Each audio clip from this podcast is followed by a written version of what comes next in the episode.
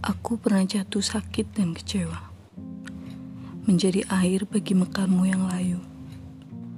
Saat sebelum warna pelangi tiba, aku berucap syukur atas hujan yang jatuh kala sang surya beranjak dari langitnya.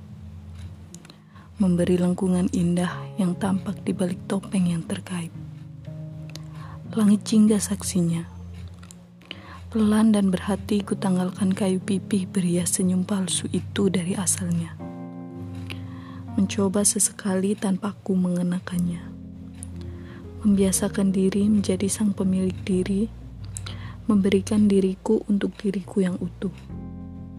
Membatu abadi membentukku yang kian sulit. Walau jiwa hatimu bertaruh, kisah kelam jerit rintih yang membelit pada diriku titip lengkung garis wajahmu.